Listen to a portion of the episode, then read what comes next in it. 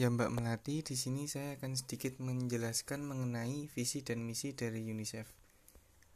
Visi dari UNICEF yaitu untuk menciptakan dunia di mana anak dapat bertumbuh sehat, terlindung dari bahaya dan terdidik sehingga anak-anak tersebut dapat mencapai potensi yang mereka miliki. Lalu untuk mencapai visi yang telah dimiliki ini, UNICEF menciptakan sebuah misi yang diciptakan oleh Dewan Eksekutif dalam First Regular Session Executive Board. Di sini UNICEF memiliki tujuh misi. Yang pertama, UNICEF diamanatkan oleh Majelis Umum PBB untuk mengadvokasi dengan hak-hak anak serta untuk membantu memenuhi kebutuhan dasar dan memperluas kesempatan anak-anak di seluruh dunia untuk mencapai potensi penuh mereka. Lalu yang kedua, UNICEF dipandu oleh Konvensi Hak-Hak Anak dan berusaha untuk mempertahankan hak anak dalam dan menuntut menuntut adanya kesetaraan gender serta etika di mata dunia internasional. Yang ketiga, UNICEF menegaskan bahwa kelangsungan hidup, perlindungan, dan perkembangan anak adalah pembangunan universal yang merupakan bagian integral dari kemajuan manusia. Yang keempat, UNICEF memobilisasi kemauan dari sumber daya untuk membantu untuk membantu negara-negara khususnya negara-negara yang berkembang. UNICEF harus memastikan bahwa negara memprioritaskan kepentingan anak-anak.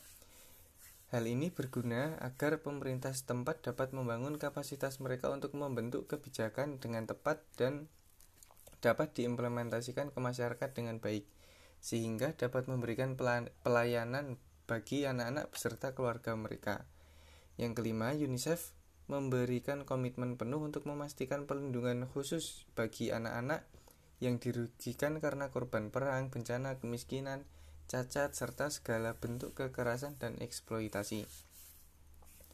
Lalu yang keenam, UNICEF merespon dalam keadaan darurat untuk melindungi hak-hak anak dengan berkoordinasi dengan PBB dan badan kemanusiaan lainnya sehingga dengan begitu, UNICEF diharapkan dapat menjadi lebih berkembang dan dapat membuat fasilitas yang lebih baik sebagai respon cepat untuk meringankan beban penderitaan anak-anak dan memberikan perawatan kepada mereka yang membutuhkan.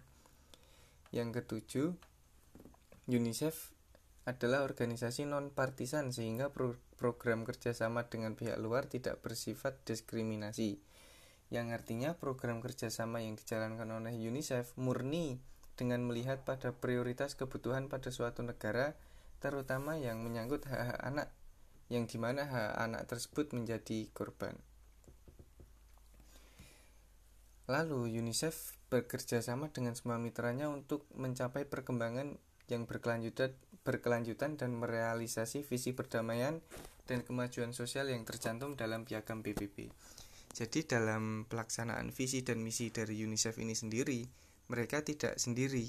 Mereka eh, UNICEF tetap bekerja sama dengan organisasi-organisasi lainnya dalam mewujudkan dan membantu hak-hak anak yang mem, untuk membantu hak, hak anak yang terancam dan tidak terpenuhi hak-hak tersebut.